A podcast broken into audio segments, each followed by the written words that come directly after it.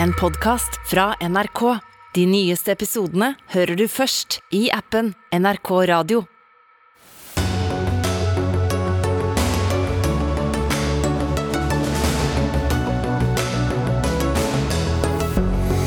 Pensjonsordningen i Norge må endres ifølge utvalg, men det blir i så fall 20 milliarder kroner dyrere i året. Hvem skal da få mindre, spør Høyre. Den norske opera og ballett utnytter unge til gratisarbeid gjennom frivillighet, mener Norsk studentorganisasjon møter operaen til debatt. Regjeringspartiene sier nei til skånsom utbygging av vannkraft i eh, vernede vassdrag. Et knefall av regjeringen, mener det største opposisjonspartiet. Og hvorfor stenges et av hovedstadens praktbygg fordi fiffen skal drikke champagne og spise kanapeer med en eh, prinsesse? Ja, det lurer partiet Rødt på, uten å bare møte forståelse. Da sier vi velkommen til Dagsnytt 18. Jeg heter Espen Aas. Pensjonsutvalgets innstilling skal vi diskutere om litt her i eh, Dagsnytt 18, men eh, la oss heller snakke om noe som kanskje fyller munnen din med vann. Hva frister mest? En saftig burger basert på planter, eller en saftig burger basert på kjøtt fra storfe, svin eller lam? Dere kan svare for dere selv, men debatten rundt vegetarburger har i hvert fall skutt fart de siste dagene, etter at Senterpartiets eh, Jenny Klinge i et innlegg på tv2.no skrev at eh, jukseburgeren truer norsk matberedskap dersom den skal ta over for norsk kjøtt. Og um, forfatteren er i studio, Jenny Klinge. Du refser da MDG i, denne kronikken, men um, hvordan truer denne såkalte jukseburgeren norsk kjøtt? Jeg deler jo MDGs ønske om eh, større selvforsyning. Eh, men det som er så ille tenker jeg med MDG sin politikk, det er jo at den i praksis vil føre til mindre selvforsyning. Både fordi at landbrukspolitikken er feil innretta, og fordi de har en rovdyrpolitikk som gjør det umulig med beitebruk eh, en del plasser. Mm. Men du peker på denne jukseburgeren, da. Hva, hva er eh, sammenhengen her? Sammenhengen er jo, Alle sammen vet jo hva ei pølse og en hamburger er for noe. Eh, og her, De veganske og vegetariske alternativer er jo noe som folk for all del må få lov til å velge, men jeg syns ikke at vi som samfunn skal fremme denne type kosthold i et land der 70% av det dyrkbare arealet faktisk bare er egnet til gras og beitemark. Og vi mennesker kan jo som kjent ikke ite gras eller beite i utmark, men det kan kua og sauen og geita. Og gjennom de her dyra der så klarer vi faktisk å være omtrent sjølforsynt med, med husdyrprodukt. Sammen men, men, med fisken og egg og sånn. Selvsagt. Men er da sammenhengen at fordi noen mener man heller skal velge et eh, vegetarisk eller vegansk alternativ, så truer det norske husdyr? Ja, det vi må huske på er at vi, MDG er jo et parti som faktisk går, så vidt jeg forstår, da, det kan jo Rasmus Hansson eventuelt oppklare, men så vidt jeg forstår, så ønsker de å doble prisen på norsk kjøtt, og eh, også halvere kjøttforbruket i et land der vi er så enormt avhengig av husdyrhold for å være selvforsynt. Og eh, Mitt viktige poeng når det gjelder sjølberginga, er jo det at eh, sjølberging er ingenting verdt hvis det bare handler om hva mat vi får tak i i fredstid. Det er i krise og kriger hva mat vi får tak i da som er viktig. Og Da er det viktig at eh, det norske landbruksarealet faktisk er bruka til husdyrhold. Ok, Da tror jeg vi har poenget. Rasmus Hansson, stortingsrepresentant for MDG, allerede introdusert av motparten her. Eh, litt av bakgrunnen er jo at dere har ønsket å få et momsfritak da på, på vegetarmat. Eh, men er det, er det, da bra at noe blir dyrere, mens annet blir billigere når det gjelder norsk landbruksproduksjon? Det er bra at miljøvennlige alternativer blir billigere. Sånn at det blir mer opplagt for folk å velge de miljøvennlige og de mest miljøvennlige alternativene. I dag er det faktisk sånn at vegetarmat i butikken koster det dobbelte av kjøtt. Det er utgangspunktet når folk skal velge mat i butikken. Eh, og det eh, er jo relativt opplagt hvilken, hvilket resultat det får. Det betyr at folk velger kjøtt.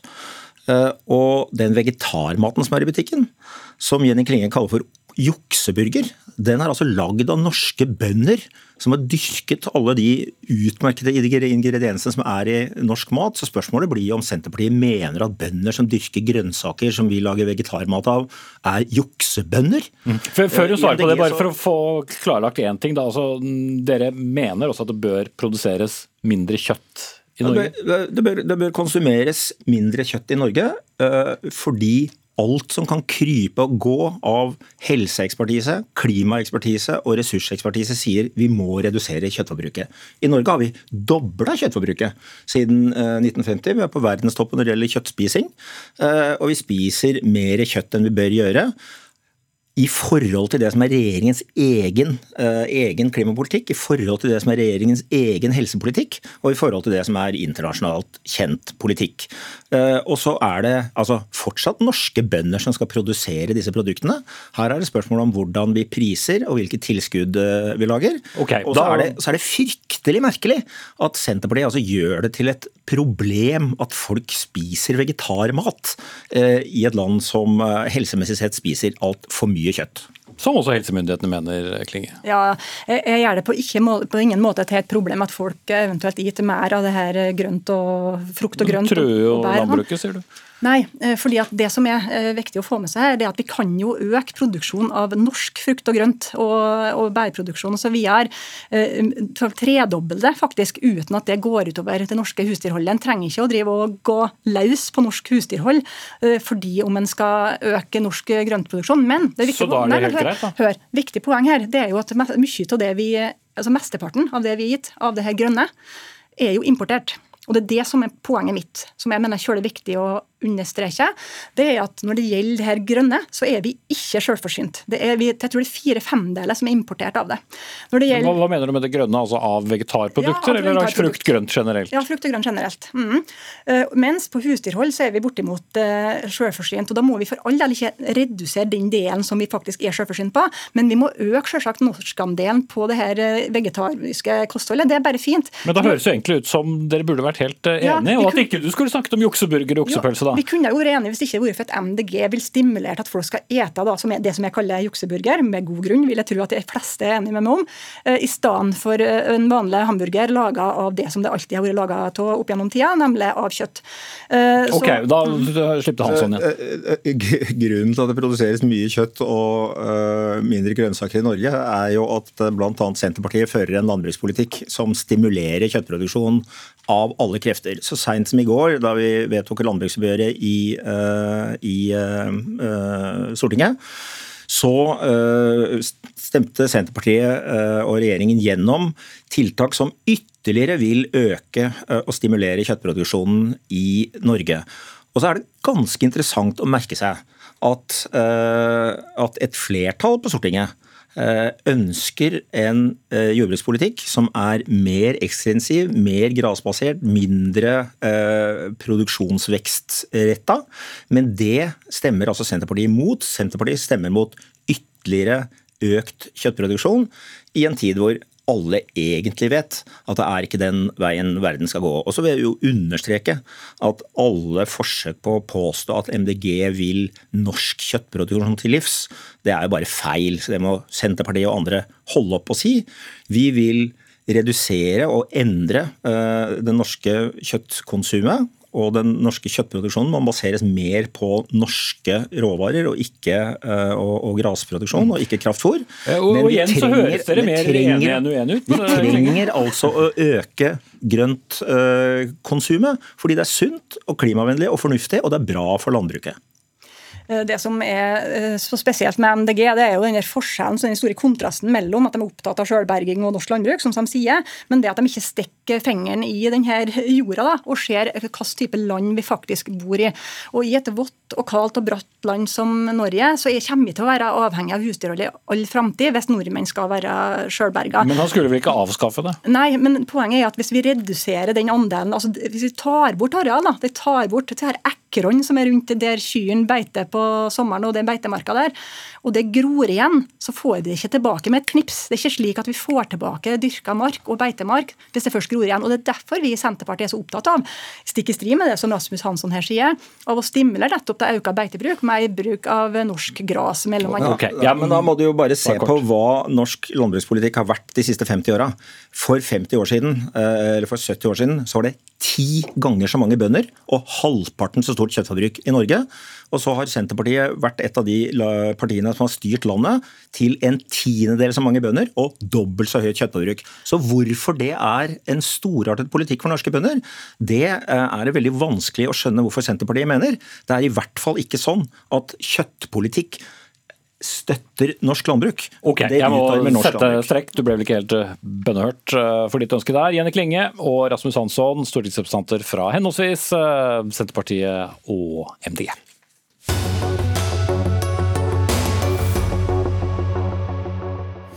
Og så dagens eh, store sak, eh, pensjon. For alle dere som eh, hører på, som er 58 år eller yngre, må nok regne med å skulle jobbe lenger før dere kan pensjoneres. Noen litt lenger, noen noe mer lenger, dersom utredningen fra pensjonsutvalget som ble overlevert til regjeringen i dag, tas til følge. Utredningen er en oppfølging av pensjonsreformen fra 2011, der det også foreslås å øke minstepensjonen og økt alderspensjon til uføre. Noe som vil eh, gjøre utgiftene 20 milliarder høyere fra 2060. Og Kristin Skogen Lund, leder av Pensjonsutvalget, velkommen tilbake til studio. Du startet jo dagen her også i dag. Eh, til daglig er du administrerende redaktør i Skipsted. La oss eh, begynne med dette med, med aldersgrensen da i pensjonssystemet skal økes da gradvis fra og med 1964-kullet, altså 58-åringene, og utover.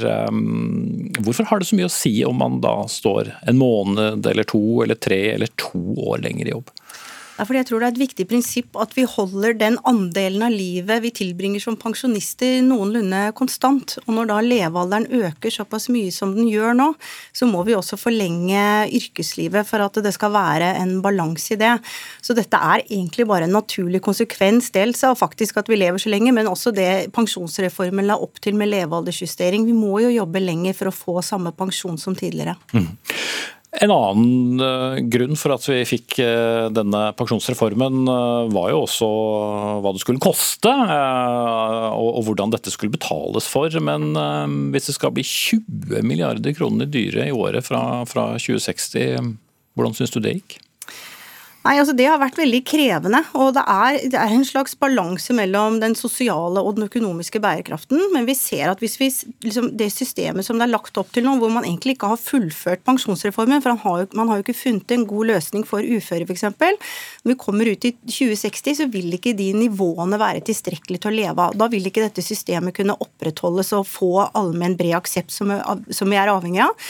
Så vi har, vi har sett at det, det man, de hullene er man nødt til å tette. Man må finne bedre løsninger for det. Og så koster det en del, men ved å kombinere det med at vi hever aldersgrensene, så får du den positive effekten av at alle, inkludert minstepensjonister og uføre, tjener opp en høyere pensjon som gjør at du motvirker noe av kostnadseffekten da, ved den aldersgrensejusteringen. Mm. Men kan man da lenger si at det skal lønne seg å eh, stå lenger i jobb, eller skal det da lønne seg for som, mer for de som ikke står i jobb? Nei, Det skal jo absolutt eh, lønne seg, og det er helt nødvendig at vi står lenger i jobb. Hvis, skal, hvis den enkelte skal få tjent opp nok pensjon, og hvis samfunnet skal ha råd til å betale de totale pensjonskostnadene. Når dere satt i utvalg, hva kunne et alternativ da være til å øke kostnadene med, med, såpass mye? Vi vet jo allerede at eh, det vil koste mye mer med en aldrende befolkning. Ja, altså Alternativet hadde jo vært å, å, ikke skjerme uføre, eller å ikke da lønnsregulere minstepensjonene sånn at de holder tritt med velstandsutviklingen. Men det, det tror på mange måter egentlig ikke det er et alternativ. For om to-tre tiår så ville du da hatt deler av befolkningen som ikke hadde en pensjon som var høy nok til å leve av. Og det ville det jo ikke vært eh, en bred oppslutning om. Og du ville helt sikkert fått politiske initiativ til å bøte på det. Og det som er så viktig med pensjonssystemet, det er at det henger sammen. Så vi vil jo veldig gjerne at dette er et system det er ro og bred oppslutning rundt, og at man da heller gjør denne type evaluering vi har gjort nå hvert tiende år, og så får man justere der man ser det er skjevheter, akkurat som vi nå gjør. Fordi det er ikke så bra hvis vi får masse sånne enkelttiltak, fordi da ser man kanskje ikke alltid konsekvensene i et totalt system da, av å røre ved enkelte brikker i noe som henger ganske nøye sammen. Mm. Det er uh, forskjell på å f.eks. sitte i et radiostudio og praple gjennom sitt yrkesliv, og det å gjøre uh, tunge løft. Mm. Kanskje klarer jeg å stå lenger i jobb enn den som jobber hardt uh, fysisk arbeid. Hvordan skal det slå ut? Ja, nå er det sånn at fordi Med pensjonsreformen så fikk vi såkalt alleårsopptjening. Dvs. Si at alle årene i yrkeslivet teller like mye. Så man tjener jo mye på å starte yrkeskarrieren tidlig. Og de som da tar lange utdanninger, de taper jo sånn sett i starten av yrkeskarrieren. Så har, du ti år, ti år mer ut, har jeg ti år mer utdanning enn deg, så må jeg også jobbe ti år lenger for å faktisk tjene opp da den relativt samme pensjonen. ikke sant? Så det, det virker jo andre vei. Og så er det riktig at ikke alle klarer å stå så lenge som kreves for å motvirke denne levealder, eller kompensere for denne levealdersjusteringen. Men, men vi, kan, altså, vi har et enhetlig pensjonssystem, og det vil alltid være noen som ikke klarer å, å, jobbe like lenge som det systemet krever. Det, sånn er det jo allerede i dag. Det er jo mange som faller ut av arbeidslivet lenge før 62 i dag også. Og da er det men da er det andre årsaker enn aldring. Det er gjerne pga. helserelatert eh, tematikk. Og da har man jo andre ordninger som fanger opp dem. Mm, men ikke pensjon, så det er litt nei, altså, synd for deg nei, hvis ikke du kan da, stå lenger. Jo, men det er jeg ikke enig i. For nå, vi har da en eh, vi har jo nå nettopp sett på hvordan man kan gi uføre en bedre alderdom, så vi adresserer jo den problematikken ved å, skjerme, ved å anbefale denne delvise skjermingen av uføre. Det er jo politikerne som eh, bestemmer det meste her i landet, som, som, kjent. Nå er det en fire måneders eh, høring, eh, men Henrik Asheim, leder av Stortingets arbeids- og sosialkomité og nestleder i Høyre, var det denne konklusjonen du ville ha da du ventet på denne? Ja, på en måte var det det. Et av del av, viktig del av mandatet de fikk, var å se på de laveste ytelsene og se hvordan man kan sørge for at de også har en pensjon å leve av i fremtiden. Og Det mener jeg at utvalget har svart veldig godt på, og så får vi jo diskutere akkurat innretning og sånn. Men det er klart at eh, det kommer jo også med en kostnad som viser at i sum, fordi man foreslår ikke andre endringer, så er det 20 milliarder i økte kostnader. og Det betyr altså at i 2060, når noen andre nå sannsynligvis skal lage statsbudsjett, så må de finne 20 milliarder på det statsbudsjettet, og det må de finne år etter og år etter og år etter. Det er veldig mye penger. Så derfor så når vi skal diskutere til Stortinget nå, så nå kan vi først se hva høringen sier. Men vi skal i hvert fall ikke nå få noen sånne overbudsrunder i Stortinget som handler om å kaste ytterligere milliarder på. For det er en kostnad som vi lemper over på de barna og barnebarna vi selv har. Mm. Men blir det i dyreste laget? Det er jeg usikker på, for å være helt ærlig. Fordi eh, dette er jo veldig langt frem i tid, og de grepene som foreslås her, tror jeg de aller fleste kan se at er riktig. F.eks. at når vi alle vi som kan jobbe, jobber lenger, så bør man jo skjerme de som ikke kan jobbe. Ikke hvis de blir sakkende akterut hvert år uten å kunne gjøre noe med det, så er det urettferdig. Eller hvis man ser sånn som man har sett i Stortinget i de siste ja, ti årene, eller noe sånt, hvor politikere i enkeltbudsjetter har slengt på noen tusenlapp på minstepensjonen fordi den har vært for lav. Det å da heller justere det på en forutsigbar måte som er litt bedre enn annen pensjon, kan være en mye bedre løsning. Men hvis vi som politikere da oppå det kaster på enda mer penger hver gang det er uh, budsjettforhandlinger, så kan det bli urimelig, for da kan minstepensjonen eller garantipensjonen bli så høy at veldig mange vanlige lønnsmottakere må jobbe mye lenger før de kan gå av med pensjon. Arbeids- og sosialminister Marte Mjøs Persen, som eh, fikk eh, utredningen i dag. Hun er i prinsessebursdag, men Tuva Moflag, nestleder i Stortingets eh, arbeids- og sosialkomité fra Arbeiderpartiet, du stiller i hennes sted. Ønsket fra utvalget er jo å få et bredt mulig flertall i, i Stortinget. Mm, hvordan skal du få med deg Høyre og eventuelt andre som bl.a. er skeptiske til, til prislappen? Men nå er det jo sånn at eh, Jeg syns for det første at tittelen på rapporten er veldig god. Et forbedret pensjonssystem. Og det syns jeg er et veldig godt utgangspunkt for å prøve å samle et bredt flertall i Stortinget. Fordi det utvalget peker på her, er jo noen skeivheter som har ramma de som har minst. Nemlig minstepensjonistene og de som er uføre. Og det at man vil prøve å få til noe som forbedrer situasjonen for dem, tenker jeg er et godt utgangspunkt for å samle et bredt flertall. Mm. Selv om 20 eh, milliarder da må tas fra noen andre? Det er jo sånn at Uansett hva vi bruker penger på i velferdsstaten, så har det en pris. Men vi syns det er verdt det å sørge for at vi tar vare på de som har blitt hengende etter og som har minst. Vi kan ikke eh, ende opp med en ufør underklasse som rett og slett ikke har nok penger til å leve et verdig liv. Vi kan ikke se på at minstepensjonistene stadig blir hengende etter. Dette handler jo om det sikkerhetsnettet som vi skal ha i en velferdsstat. Det koster, eh, men det er helt nødvendig, og det har vi visst egentlig helt siden vi vedtok pensjonsreformen i utgangspunktet. Ja, og det viktigste som dette utvalget gjør, er å slå ring om selve pensjonsreformen. Som nettopp sier at, for jeg så noen sensasjonsoverskrifter i dag som sa at å, denne unge personen må kanskje jobbe til den er 70 eller noe sånt. Ja, det må man. Eh, og det er allerede inne som en mekanisme. Det er bare at nå følger liksom aldersgrensen etter. Og det har jo vært diskutert i studio her før også, nemlig at når aldersgrensene følger etter, så betyr det at du får sykepenger et år til hvis du jobber lenger. At du får arbeidsavklaringspenger et år til. Så det er egentlig også mer sosialt med tanke på at vi forventer at folk skal jobbe lenger.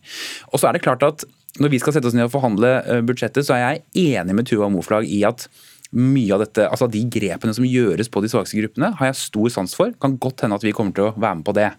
Eh, men Pensjonssystemet er enormt sammensatt, og til slutt så skal vi jo ende opp med en regning som bærer på sikt. For den sosiale bærekraften som eh, kommisjonen peker på, er helt åpenbart viktig, men den bærer ikke sosialt hvis den ikke bærer økonomisk. For bærer den ikke økonomisk, så må du kutte massivt i andre deler av velferdsstaten, eller så må du lage en helt ny pensjonsreform fordi den du har ikke går. Mm. Og Grunnen til at man startet med denne pensjonsreformen sin tid, var jo at man visste at utgiftene kom til å bli større enn inntektene, og vi må tære bl.a. på øh, oljeformuen vår, øh, Moflag. Så hvor opptatt er du av kostnadene? Jeg er opptatt av kostnadene, men det er klart det eh, var jo utgangspunktet for hele reformen. Pensjonsreformen var et eh, spleiselag mellom de som er pensjonister i dag og de som skal bli pensjonister i framtida. Og med levealdersjusteringa som gjør at vi må stå lenger i jobb, så har vi egentlig tatt ut en del av den gevinsten allerede. Men så er det noen som ikke har fått være med, som har blitt hengende etter. F.eks. de uføre, som vi nå ser taper sammenligna med de som har helse til å stå lenger i jobb. Der hadde vi et skjermingstillegg midlertidig. Det forsvant under Erna Solbergs regjering. Eh, så det er jo en ting som vi selvfølgelig vil utfordre Høyre på, at de blir med på å få på plass en ny skjerming. Men når det gjelder venstresida av politikken, så er vi jo veldig opptatt av at når vi skal ha denne breie debatten, så er det viktig at de slår ring om pensjonsreformen. At ikke vi starter med å gå to skritt tilbake. Mm. Men, men har dere et tak, et kostnadstak? Vi har jo ikke satt et eh, kostnadstak ennå, det blir jo helt feil ende å starte i. Nå har vi fått denne rapporten på godt over 350 sider i dag. Den skal ut på en fire måneders høring. Vi skal ha en brei prosess. Vi skal snakke med partene i arbeidslivet. Vi skal forankre dette godt blant partiene på Stortinget. Men det er klart det vil koste når vi skal gjøre forbedringer i pensjonssystemet. Men det er de som er på minstepensjon og de som er uføre som blir hengende etter sånn som det er i dag. Eh, og en kostnad for å løfte dem tror jeg at det er mange som er villige til å være med på. Mm. Asheim og for så vidt Moflag, vi er jo inne i en tid hvor det å, ha, å være helsearbeider er mindre belastende enn det var for noen uh, tiår siden. Det kan være noe helt annet. Uh, 20-40 år inn i fremtiden, eller 38 da, hvis vi skal se til, til 2060. Er det sikkert at det kommer til å være så dyrt? Nei, det er det ikke. Eh, og det er en litt sånn X-faktor. Det er jo, det kan hende nettopp at arbeidslivet blir enda lettere for mange å stå i lenger. Og vi må heller ikke snakke om arbeid bare som en belastning. For de aller fleste så er det god helse i det å ha en jobb å gå til. Og man kan f.eks. kombinere å jobbe litt mindre og så ta ut noe pensjon. Det er litt sånn som vi har laget pensjonssystemet. Så dette, dette er en fin mulighet. Og da vil du kunne finansiere mye mer hvis folk kan jobbe lenger. Men det er en litt sånn, det må vi håpe og tro. ikke sant? Og det som er litt sånn eh, skummelt nå, det er at man har helt klare kronebeløp på utgiftsøkningene, og så håper man at du og jeg jobber lenger, for da kan vi betale for det. Men vi vet ikke at det skjer. og Derfor så er vi litt sånn urolige. Men, men de forslagene til justeringer som blir bedre, ikke minst for de som har minst, det er vi veldig positive til.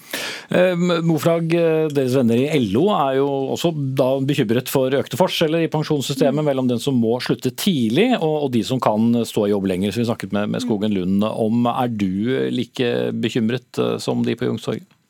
Det er jo sånn at eh, Sosial ulikhet i helse og ulik avgangsalder for pensjonister det ligger der allerede i dag, uavhengig av den rapporten som vi har fått her. Vi vet at det er folk som eh, er helsefagarbeidere som jobber i belastende yrker, som går av tidligere fordi de rett og slett blir utslitt på jobb. Og Det er jo derfor det er så viktig at denne prosessen også blir forankra med partene i arbeidslivet. For en del av løsninga er jo å se på hvordan kan vi redusere belastninga i arbeidslivet. Vi må se på grunnbemanning i helse- og omsorgstjenestene. Vi må se på HMS-arbeid, for vi kan jo ikke fortsette med et arbeidsliv som sliter ut helsa til folk. Men skal man kompenseres dersom man slutter tidligere i en jobb? Gjennom pensjon? Det vi sier er jo at hvis man ikke har helse til å kompensere for den levealdersjusteringa som i realiteten ligger i systemet i dag, så vil man jo kompensere for det. Det er jo lov å bli ufør i Norge hvis helsa svikter. Det er jo noe med at det er faktisk en del av det systemet vi har. At har du ikke helse til å stå i jobb, så får du en ytelse eh, for det. Men jeg tenker at vi skal ikke bare sitte stille og se på at eh, arbeidslivet er så belastende at folk ikke klarer å stå i det, fordi det er en verdi i å stå i arbeid. Derfor så er det innmari viktig å se på flere elementer inni dette også. Takk til Tuva Moflag og Henrik Asheim. Sindre Heierdal, kommentator i E24. Du har også fulgt nøye med på, på pensjonsutvalget i dag. De økonomiske konsekvensene, hvor store blir de egentlig? Ja, Dette er jo litt som å se på et uh, statsbudsjett uh, hvor uh, enkelthetene kan vi alle være enig i. og Det er vel ingen som ikke unner minstepensjonister og trygde å være med på velstandsutviklingen vi forventer oss i årene som kommer også. Men ser vi totalen, så blir det altså markant økte utgifter ut fra det som lå der fra før. 20 milliarder mer cirka i 2060, og enda mer når vi trekker linjen eh, videre inn i 100-året. Og Det er jo en tendens også, at vi eh, både i Norge og andre land også mer fokuserer på sosial eh, utjevning, om du vil. At vi er opptatt av sosial bærekraft, ikke fullt så mye økonomisk bærekraft som vi var i 2011, når denne reformen først ble skipet. Og Det syns jeg også vi ser litt tendenser til her. Mm. Men hvis vi skal se på litt av poengene til, til utvalget, da, er, er da høyere pensjonsalder egentlig eneste veien å gå? Ja, det har jo egentlig ligget der fra før av også. Så justeringen nå er jo først og fremst at gulvet langsomt heves. Så jo eldre vi er, jo, jo, mer slipper vi unna. Jo yngre vi er, jo mer må vi da eh, stå i jobben. En 62-åring i dag kan gå av med pensjon eh, ofte. En, eh, I fremtiden så vil en 22-åring i dag måtte stå til hun er 66. Så langsomt trekkes den oppover, og det er ganske naturlig. Men eh, vi må lage merke til at den innsparingen vi får på det, er vesentlig mindre enn de økte kostnadene vi får slik pensjonsanbefalingen nå er. Mm. Og igjen litt av bakteppet her, eh, Sindre Heirdal, er jo også noe med alders- og befolkningssammensetningen. Det kommer til å være veldig mange etter hvert som er pensjonister, og det blir eh, færre og færre i arbeid som skal være med på å betale for det helsesystemet og alderssystemet som, som er igjen da. Absolutt. Og dette har jo pågått over tid. Dette var jo en av grunnene til at vi fikk denne pensjonsreformen i utgangspunktet. Jeg tenker også at eh, det vi ser nå av eh, projekterte kostnader frem i tid, bare understreker at det er utrolig viktig at vi prøver å bruke vinduet vi har nå, med ekstremt lav ledighet, til å få flere inn i jobb, og flere trygdede i hvert fall delvis inn i arbeidsmarkedet. For hvis vi ikke får det til nå, når skal vi da klare det? Det er mange økonomiske skyer der ute. Vi må inkludere flere nå, både for deres eget beste, men også for statsfinansene. Vi har fått en tydelig prislapp i dag. Mm. Vi skal eh, runde av. Du har eh, skissert mye av det som handler om økonomien, men det er altså politikerne som skal, eh, skal vedta det. Politikerne som er valgt av folket og, og, for folket. Det er ikke så lett å skulle peke på kroner og øre alene, og ikke de sosiale kostnadene ved å få ned utgiftene? Nei, helt riktig. Og når dette er et eh, stort utvalg som har anbefalt dette, så tror jeg nok det vil gå gjennom etter høringsrunder osv. Ganske som den ligger nå. Eh, og det er tøft, ja, å begynne å kutte i eh, det som folk i Norge er blitt vant til. At vi skal få litt mer hvert år, og at vi skal kompenseres med 12 000 milliarder i baklommen fra oljefondet. Det er mange nuller. Eh, vi sier takk til dere. Sindre Herdal, kommentator i eh, E24, våre politikere, og lederen også da Pensjonsutvalget. Du blir mer om saken i Dagsrevyen klokken 19.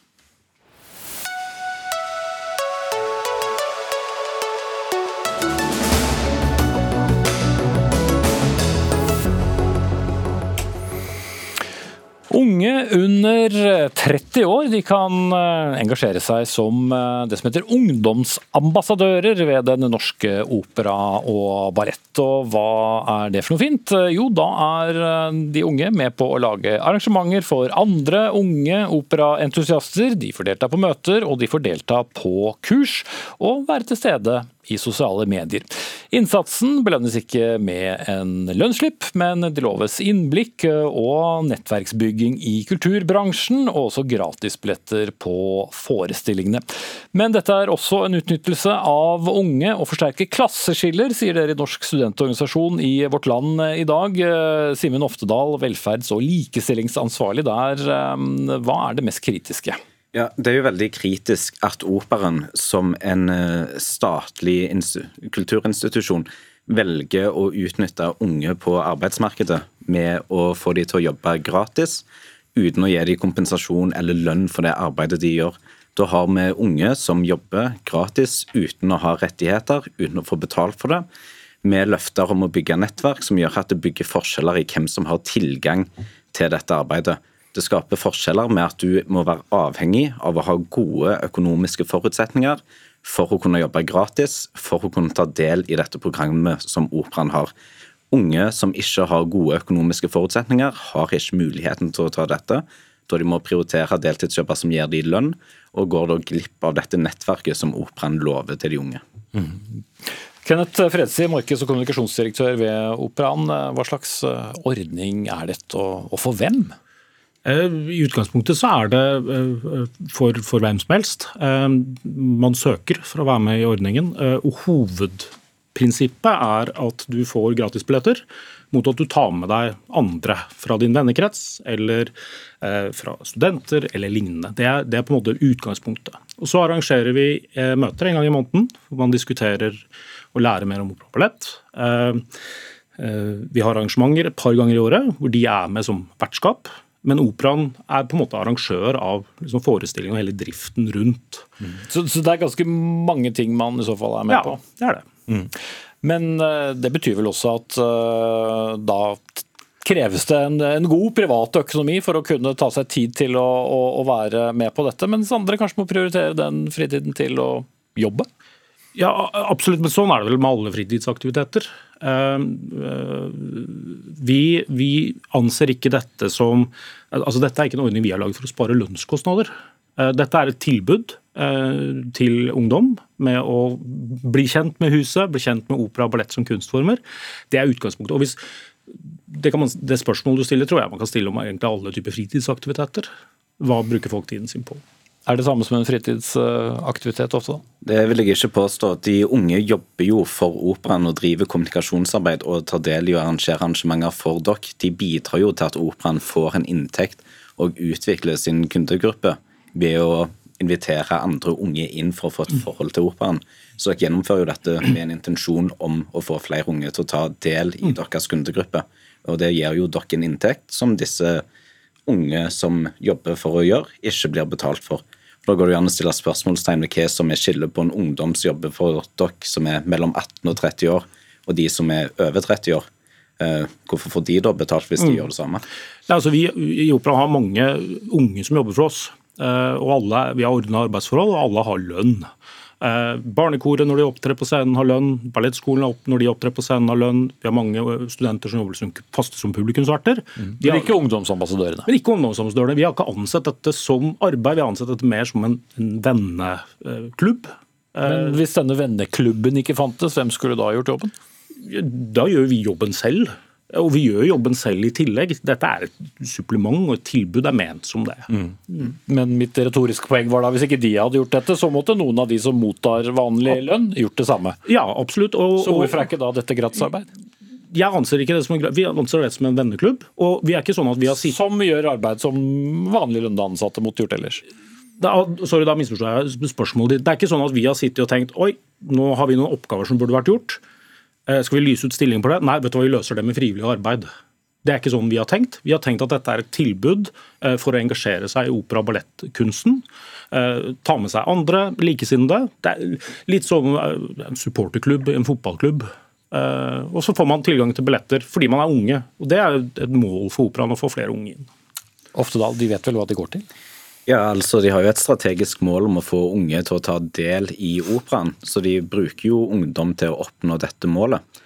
Eh, og det mener ikke det er det samme å være i en supporterklubb for et fotballag eller å steike viner, trekte wienerpølse for lillesøstera di i pausene når hun spiller kamp, som å jobbe med å sikre inntekt for operaen gjennom å skaffe de ei kundegruppe blant unge. Mm. Nei, altså, Vi anerkjenner den diskusjonen som dette har reist. Det kan hende at vi burde tenkt at jo, er man med og arrangerer en dag, så kanskje man burde hatt et honorar for eh, arrangeringen. Men når man får to gratisbilletter og skal, kan ta med seg en annen, så tenker vi ikke at det er noen man trenger å få lønn for. Det er fullstendig frivillig. Vær så god, vil du ha to billetter, og ta med deg noen. Dere har vel frivillig verv i NSO også? Ja, så er forskjellen at vi er ikke en statlig eid institusjon. Vi er en eh, interesseorganisasjon for studenter. Og på lik linje med andre ideelle og frivillige organisasjoner, så arbeider jo ikke vi for å ta et utbytte eh, eller for å styrke økonomien. Vi arbeider for å bedre studenters hverdag, og mener ikke det er det samme som å tilby kultur. Og Deres formidlingssjef Frida Steen Hov sier jo selv at det hadde krevd mye av dere byråkratisk å lønne disse ungdomsambassadørene, og at det hadde gjort at forholdet mellom dere hadde blitt annerledes. Så det virker jo som om dere ikke er villige til å lønne dem, fordi det vil kreve arbeid fra dere. Ja, Det kjenner jeg ikke igjen i. Da tror jeg min kollega Frida er eh, misforstått i en eller annen, en eller annen form for sitat. Eh, så klart, hvis, hvis, vi hadde ansett dette som, som, arbeid, så hadde vi så klart lønna det. Mm. Men bare for å gripe fatt i ja, ja. du sa forut for dette. Det høres ut som dere har tenkt å gå litt nøyere gjennom eh, denne ordningen i din statlige bedrift med ditt ja, millionoverskudd? Og det er sånn, altså Når vi får kritikk og, og stiller spørsmål om vår virksomhet, så syns jeg det er fornuftig å lytte til den, se om det er noe vi burde gjort annerledes. Men jeg syns kanskje ikke dette er kroneksempelet på at eh, en virksomhet utnytter frivillig arbeidskraft. Det, det, det syns jeg ikke. Vi snakker om gratisbilletter, vi snakker om å være med på et arrangement eller to i året, vi snakker om å stille opp på et møte. Eh, det er, det er på en måte utgangspunktet en gang i måneden. Mm. Ikke helt uh, Simen Oftedal, velferds- og likestillingsansvarlig i Norsk studentorganisasjon, og Kenneth Fredsi, markeds- og kommunikasjonsdirektør ved Den norske opera og ballett.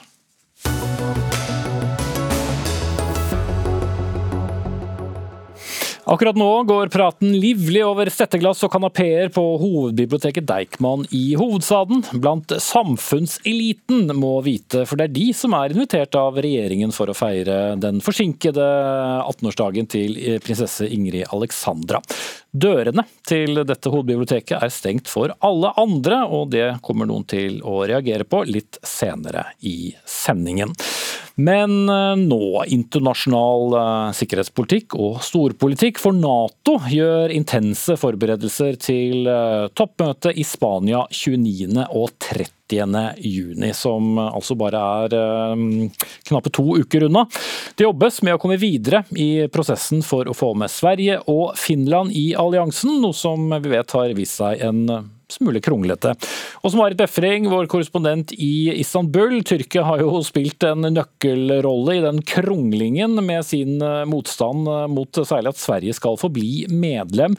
Hva er status nå eh, i det det er under to uker igjen til toppmøtet? Status er at uh, forsøket på å få de to nordiske nabolandene våre da inn i Nato raskt, det, det ser ut til å være veldig vanskelig. Uh, det ser veldig meit ut akkurat nå. De har jo hatt utallige møter både på telefon og fysisk, også her i Tyrkia, uh, siden søknaden kom for en måned siden. Og Senest i går så hadde Natos generalsekretær Jens Stoltenberg eh, en samtale med Tyrkias president Erdogan. Han sa etter disse samtalene at, at de var konstruktive, og at eh, begge mener at det, at det, er viktig at det er fremskritt i denne prosessen. Men fortsatt er det altså slik at uh, Tyrkia uh, sperrer for uh, en rask behandling av disse søknadene foreløpig. Og Norges utenriksminister Anniken Huitfeldt er jo nettopp tilbake fra et besøk i, i Tyrkia, der hun møtte bl.a. den tyske utenriksministeren. Men hvor mye, mye hjalp dette? Altså I disse samtalene så tok de bl.a. opp Nato, og Anniken Huitfeldt hun sa da ifra at for Norges sikkerhet så er det faktisk viktig at eh, Sverige og Finland blir med i Nato. Og så vet vi ikke hva han svarte på dette, men den tyrkiske utenriksministeren sa i hvert fall på pressekonferansen etterpå at verken Sverige eller Finland har adressert deres bekymring godt nok. Eh, og de har jo nå da også eh, sagt ifra om det til både Sverige, Finland og Nato enda en gang.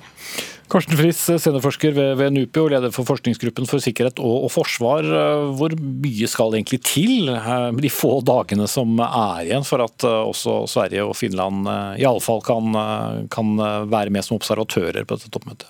Ja, De må jo bli enige. Altså, de må få Tyrkia til å skrive under denne protokollen, så de får et slags innovativstatus, som det heter. Uh, det, da, men hva som må gis konkret, hva, hvor mye innrømmelser spesielt Sverige må gi på kurderspørsmålet, det er veldig vanskelig å si. og Forhandlingene er nok krevende. Uh, og Det at ikke vi hører noe, kan jo være et godt tegn, men, men, det er jo ikke enkelt. Og, men samtidig, jeg tenker at hvis Tyrkia blir sånn sittende igjen som den som hindrer Sverige og Finland å bli medlem av Nato, så tror jeg ikke de ønsker det heller. Så jeg tenker her er det klassisk eh, utpressingstaktikk eh, av godt merke, som vi vet Erdogan er god til.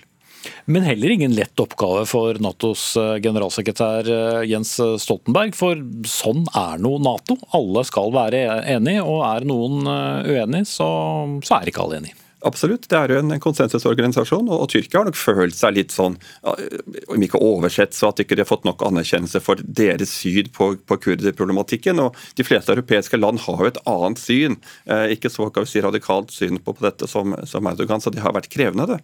Eh, men hvis Sverige og Finland legger seg på samme linje som resten av Nato, så burde det prinsipielt være godt nok. Men, men, det vet vi jo heller ikke før, før, vi, har, eh, før det er i, i mål. Og så er det jo sånn, Dette er forhandlinger som går mellom Tyrkia og Stockholm primært. Og, og Nato en, kan legge til rette og bistå, men det er primært, primært samtaler mellom disse hovedstedene. Ja, for Hvor risikabelt kan det være dersom andre Nato-land hever stemmen for mye og, og, og, gir et inntrykk av at Tyrkia er for uh, urimelig her? Ja, ikke sant? Det er jo det er et sånt spill er kanskje ikke riktig ordet, men, men samtidig så er det jo et, et diplomatisk uh, Eh, opplegg her hvor, hvor, eh, hvor, man prøver å få mest mulig. Eh, og, og Tyrkia er nok ganske gode på dette her. Men, men, igjen, dette er primært noe som de må bli enige seg mellom. Og, og, Nato har ikke så mye å gi. Det måtte være eventuelt om USA også kom la tyngden inn, og, og kom Tyrkia litt til møte på en del uenigheter som de har seg mellom. Mm. Så helt det å forstå tidsperspektivet her er kanskje ikke så lett? Nei, altså denne, denne, Fristen før dette toppmøtet er jo det mest naturlige at de skriver under før det. Men det er ikke, det er ikke sikkert, det heller. Uh, og Da kan det gå fram mot valg til høsten, og Sverige skal ha valg, og, og Tyrkia går inn i valg. sånn at uh, Vi håper vi slipper sånt, for det skaper masse unødig urolighet og i en veldig krevende situasjon i Europa. Uh, det er viktig at, at, vi får ro rundt disse spørsmålene, sånn som Nato kan fokusere på det viktige de skal gjøre, eller, og hele, resten av Europa også. Fokusere på dette viktige, og det er jo krigen i Ukraina. Mm.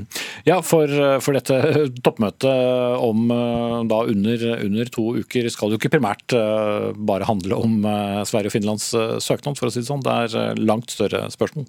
Ja, det er, det er, to ting til som man kan legge vekt på. Det ene er nytt strategisk konsept, som er et sånn grunnlagsdokument. grunnloven til Nato på et vis, som man endrer på hvert tiende år omtrent. Om, om det trenger oppdatering. Men det viktigste er jo det politiske sett, er jo selvfølgelig Tyrk, nei, unnskyld, Ukraina Ukraina, eh, at, at, man, eh, at, man, blir enige om å gi våpenstøtte eh, i større grad enn i dag. Og De skal ha et møte i dag også, i forbindelse med forsvarsministermøtet nå, denne, denne giverlandsgruppen som USA leder, og, og det er snakk om å kunne gi ordentlige våpen til Ukraina, for det haster. Mm. Men uh, ennå må vi også vente, med, vente i spenning. Karsten Friis, takk skal du ha, seniorforsker ved NUPI.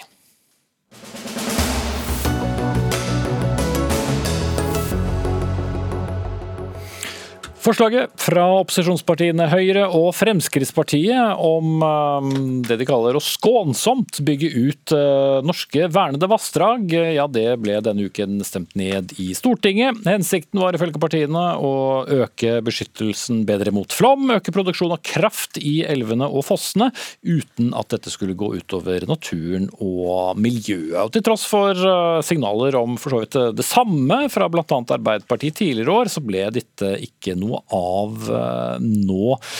Hadia Tajik, eh, stortingsrepresentant fra Arbeiderpartiet, dere stemte altså dette forslaget ned i en tid hvor alle er veldig opptatt av kraft og kraftproduksjon. Hvorfor? Altså Arbeiderpartiet er jo for eh, alle gode forslag som kan bidra til mer kraftproduksjon i Norge. Men problemet med dette forslaget her er at eh, det er ikke spesielt godt. Eh, det er noe som vil kreve ganske mye tid, ganske mye utredning. Det har vært ganske mange politiske konflikter knytta til vassdrag som er verna. Det vil kreve ganske mye byråkrati. Og det vil òg potensielt kunne gi oss ganske skadelige naturinngrep. Samtidig som det vil eh, gi eh, relativt liten energieffekt. Altså Man vet jo at eh, NVE de anslår at potensialet i alle verna vassdrag det er ca. 50 TWh. Og så vet man òg at det er ca. 400 verna vassdrag totalt sett. Høyre foreslår da at man skal bygge ut eller utnytte vannkrafta mer i ti av de verna vassdragene, og enkel hoderegning tilsier da at det i beste fall vil være snakk om 1,3 TWh. Ganske mye konflikter, mye tid, mye problemer, potensielt store naturinngrep. Okay, Ove... Varig skade på, på natur og miljø. Ja, Ove Trellevik, eh, stortingsrepresentant fra Høyre. Hvorfor kommer dere med så dårlig forslag til Stortinget? Det er ikke noe dårlig forslag. NVE sier òg at vi har fått 18% mer nedbør i Norge siden 1900 og fram til nå. Vi sliter med flom, vi sliter med tørke, vi sliter med at laksen har dårlige vilkår i elvene våre. Og Vi kan kombinere dette med skånsom utbygging av noen verna vassdrag og forbedre både naturmiljøene våre og få til mer kraftproduksjon. Jo, men, men, men forhold deg til tallene da, som, ja. som Tajik kom med. Hvis gevinsten er, er, er, så begrenset? Jo, men Er ikke det bedre å få til noe i ei elv da, enn ikke noe ting? Det må jo være bedre det er jo ikke sånn at for det om man på en måte har pekt på 10-11, så er det på en måte eh, både begrensningen og minimumen. skulle jeg til å si. Det, poenget her er at eh, også, Stortinget vedtok i 19 85, altså midten på 80-tallet, i en innstilling når de hadde opp igjen dette med vern av vassdrag, så sa Stortinget tydelig klart ifra at eh, bygg nå gjerne ut vassdrag som på en måte ikke er i konflikt med hovedvassdraget. Eh, Sideelver og sånt må gjerne bygges ut. Men det har aldri skjedd i Norge at vi har fått lov til det. Mm. Derfor... Ok, eh, Tajik, din partikollega, nå olje- og energiminister Terje Aasland, var med i denne sendingen tidligere år og argumenterte jo egentlig for det samme. Har dere, har dere snudd? Altså, Terje Aasland var aller mest eh, opptatt av at man skal kunne bygge ut mer i tilknytning til verna vassdrag. Så han har eh, ikke vært opptatt av at man skal gå inn i og gjøre om på vernevedtak. Eh, så har Ove Trellevik helt rett i at økt nedbør kan gi oss nye utfordringer knyttet til flom. Og da må man selvfølgelig ta tak i det, og det er det full anledning til å gjøre. Både ved å gjøre altså inngrep som handler om å forsterke natur som allerede er der, skog i bratt terreng f.eks., eller myr som kan ta opp mer, eh, mer vann. Altså, altså, gjør endringer i naturen som er mer skånsomme enn den type inngrep som Ove Trellevik og Høyre her argumenterer for. Og det er òg allerede mulighet for å gjøre, eh, hvis det omstendighetene krever det, altså inngrep som eh, både avhjelper flomfare hvis det er snakk om liv og helse eller lokalsamfunn som er utsatt, eh, og på den måten òg utnytte den krafta som er der. Men det prinsipielle her, som er det som gjør meg urolig, det er at Høyre sier at det er ikke snakk om tid. Det kan være snakk om potensielt ganske mange flere utbygginger begrensninger. Og Høyre legger seg òg på en retorikk som handler om at de mener at det er et vernetyranni som legger disse begrensningene. Det er jeg uenig i. Ok, Svar på det, Trygg. Ja, poenget her er at eh, du må inn i vernevedtakene for hver enkelt elv for å kunne forstå potensialet for å utnytte elver. Og Vi har jo tross alt bygd ut verna vassdrag etter at de er blitt verna. Det er både gjort i Nordland og det er gjort i Agder-fylkene våre. Med stor suksess. Mer kraftproduksjon, mer fiskeproduksjon fra laksens side. Altså Det er en vinn-vinn-situasjon både for miljøet og for kraftproduksjon. Så og en ganske byråkratisk runde for å få det til, da, så er det verdt det? Absolutt er det klart det er verdt det, men husk på det at eh, dette er, er, er regulerbar vannkraft mange plasser. Og det å, å få eh, på en måte utnytta krafta og de mulighetene som ligger i elvene og vassdragene våre, i den situasjonen som vi er i nå, med de kraftprisene som er, så skriker jo både Norge og andre etter, etter, etter, vassdrag, etter at vi skal utnytte vassdragene våre. Og Det er klart det er veldig frustrerende for de som både driver kraftproduksjon og er grunneiere og elveeiere, og ikke får lov å utnytte elva si mer optimalt enn hva det det de gjør eh, og har gjort til nå. Og Spesielt når det står i vernevedtakene òg at sideelver kan bygges ut uten, hvis ikke det går på bekostning av hovedvassdraget. Og At man opp og til er imot det, det har jeg store problemer med å forstå. Og Det er ikke rart man bruker harde ord når man altså ikke engang vil følge opp Stortinget sitt vedtak når det gjelder verneverdiene, og hvordan vern, vern skal bygges ut i vassdragene. Men det er konsekvent nei, uten å gå inn og se på hva Stortinget har sagt okay. om verneverdiene i det enkelte vassdrag.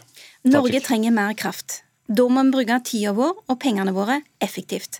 Forslaget til Høyre er ikke effektivt. Det som er mye bedre, er å heller oppgradere eksisterende vannkraftverk. Det er mer kostnadseffektivt, det tar kortere tid, det er mindre inngrep i naturen, og potensielt vil det kunne gi oss 10-15 ganger mer kraft enn dette forslaget fra Høyre. Vi har òg gjort endringer i skatteregimet som jeg opplever at vi har stått sammen om, som vil kunne gjøre det mer attraktivt å gjøre den type oppgraderinger. For det andre så bør vi òg ha flere tiltak knytta til energieffektivisering. Det er relativt enkle grep det er snakk om, men det vil potensielt kunne være ganske mye energi hva da? F.eks. Eh, næringsbygg bytte ut vinduer. Få opp solcellepanel. Eh, bruke jordvarme. Da vil man eh, kunne eh, altså spare energi som tilsvarer nesten 16 eh, TWh. Altså, dere hører med en gang en ganske stor forskjell på de 1,3 TWh som Høyre her tilbyr oss, og det vi kan få gjennom oppgradering av vannkraftverk okay, eller energieffektivisering. Sintef, Sintef som jobber med, med, med vassdrag og med, med, miljødesign i vassdrag, de mener jo at det er ti ganger mer enn hva det som blir hevda her. Altså oppgir kanskje en 15 Eh, TWh som er mulig å få til i verna vassdrag, hvis du på en måte tar alle sammen. Vi har ikke ambisjoner på en måte å gå inn i alle verna vassdrag som er, men det finnes mange gode eksempler på at det er gjort, og flere kan det gjøres noe med. Det er godt for samfunnet, det er godt for kraftproduksjonen vår, det er godt for fisken i elva. Vi hindrer flom, og vi hindrer tørke. Tajik. Jeg er nysgjerrig på hva som har skjedd i Høyre fra januar 2021 og fram til nå. Fordi I januar 2021, bare ett og et halvt år siden, så gikk Tina Bru opp på talerstolen på Stortinget eh, og sa at eh, det er ikke mulig å bygge ut vannkraft uten naturinngrep og miljøulemper. Og Da handler Det helt konkret eh, om det å gjøre det Høyre nå foreslår. altså gå inn i Har, har? Og Tina Bru sa òg at potensialet for større utbygginger i verna vassdrag uten betydelig konflikt er òg svært begrensa. Mm, Poenget kan være at det kan uh, selvfølgelig være konflikt, men poenget er at du må gå inn i hver enkelt vernevedtak i de ulike vassdragene og se hvor det er et potensial uten at det er konflikt. Og Kom gjerne til meg i Hordaland, så skal jeg vise deg flere vassdrag hvor det er stort potensial, hvor kommunestyret er positivt til dette, grunneiere er positive, og til og med miljøbevegelsen er positiv. Nettopp fordi at både miljøhensynene blir ivaretatt på en god måte, og vi får mer kraftproduksjon. Det er et et potensial, spesielt på Vestlandet, hvor vi har svært mange vernevassdrag. Mm. Altså kan vel tenkes at du også kjenner deler av Vestlandet, men uh, dog noe lenger sør. Hadia Tajik, stortingsrepresentant fra Arbeiderpartiet, og Ove Trellevik fra Høyre. Takk skal dere ha. og det var vel en faktisk en kraftproduksjon hvor ingen nevnte vindkraft, for en gangs skyld, tenkte jeg.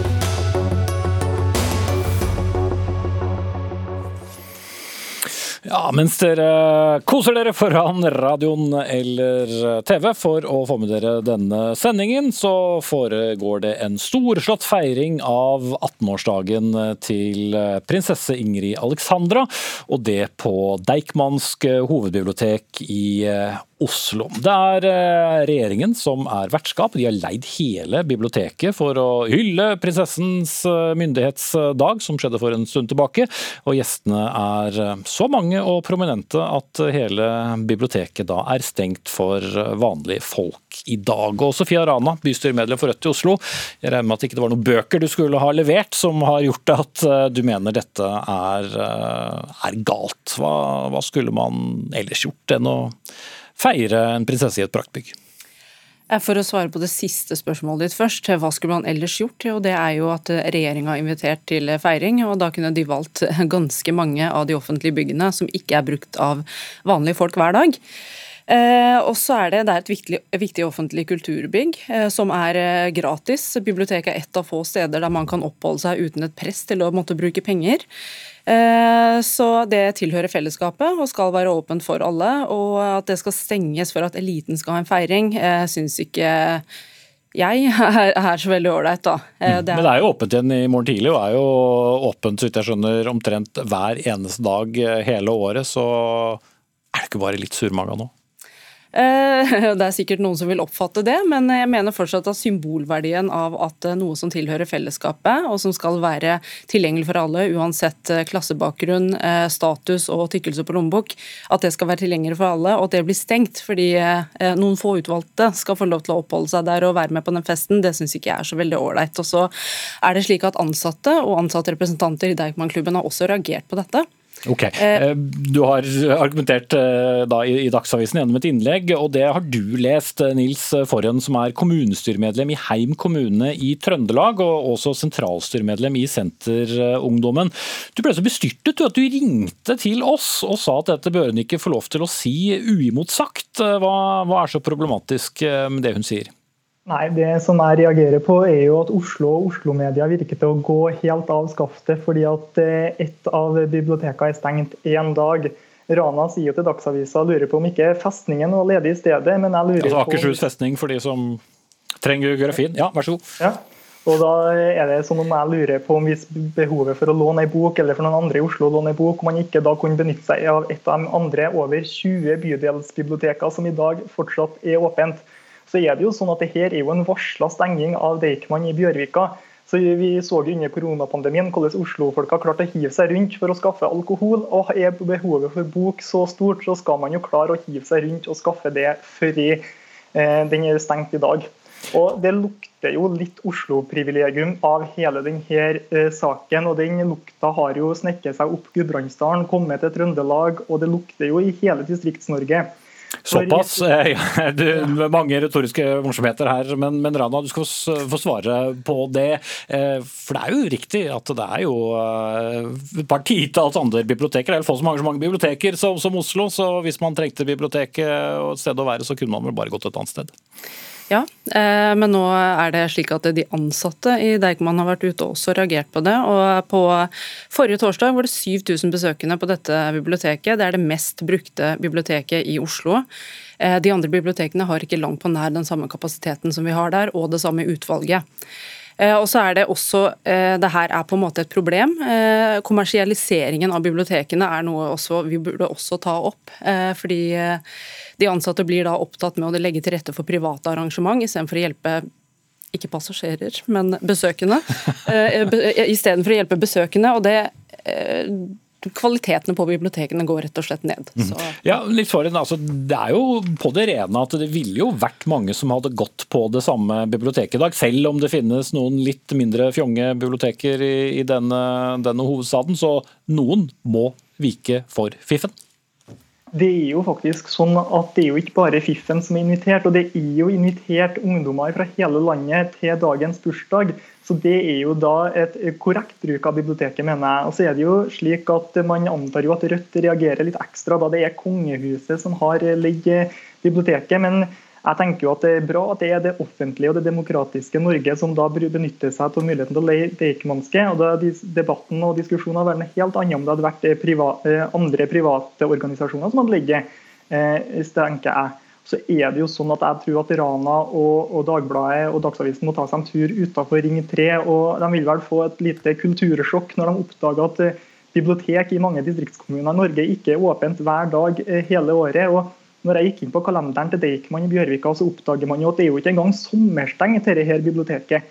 Så Rødt må jo bruke eh, tid og krefter på å skaffe gode, være med Senterpartiet på å skaffe gode tjenester og drive gode bibliotektilbud i hele landet. I stedet for Ok, å der klinger jeg for eh, er hele landet. Men hva er, bare forstå det, Rana. Er, er hovedproblemet selve stengningen av biblioteket, eller hvem som i dag uh, tasser rundt med kanapé og stetteglass? Ja, Det var jo en veldig eh, litt karikert fremstilling av hvordan festen skal være. Det er ikke sikkert det er kanapeer der, bare så det er sagt. Men, eh, Jeg tar det på min eh, Ja. men det argumentet var jo jeg som sa det til, Dagsavisen, eh, til Dagsavisen. Men det argumentet om at det er vanlige ungdommer som er invitert, det er veldig fint at de er invitert, men det er ikke for dem at biblioteket er stengt, det er for fiffen. Og det, ellers er jeg helt enig i at eh, bibliotekene ute i distriktene sikkert eh, Ja, eh, vi må jobbe for at bibliotekene skal ha lengre åpningstider der også, for all del. Men her er det altså Jeg syns symbolverdien i dette er verdt en debatt, og det er det at bibliotek er i stor grad arbeiderbevegelsens prosjekt for å løfte fattige og for å, og for å drive med sosial utjevning. Og det, nå blir det butikk som tilhører eliten, og det syns ikke jeg noe om. Kort replikk til slutt for en. Nei, Det er godt å høre at Rana er med og støtter gode bibliotekutbygging i distriktene. Det setter vi stor pris på i Trøndelag. Dette er jo så vakkert. Eh, Husk, husk lånekort. Nils Forhen, kommunestyremedlem i Heim kommune i Trøndelag, og sentralstyremedlem i eh, Senterungdommen, og Sofia Rana, bystyremedlem for Rødt eh, i Oslo. Og så kan jeg love at denne bursdagsfeiringen er behørig dekket på en mengde nettsteder. Ansvarlig for dagens sending, Gro Arneberg. Jens Jørgen Dammerud tok seg av det tekniske. Jeg heter Espen Aas. Vi ses igjen i morgen.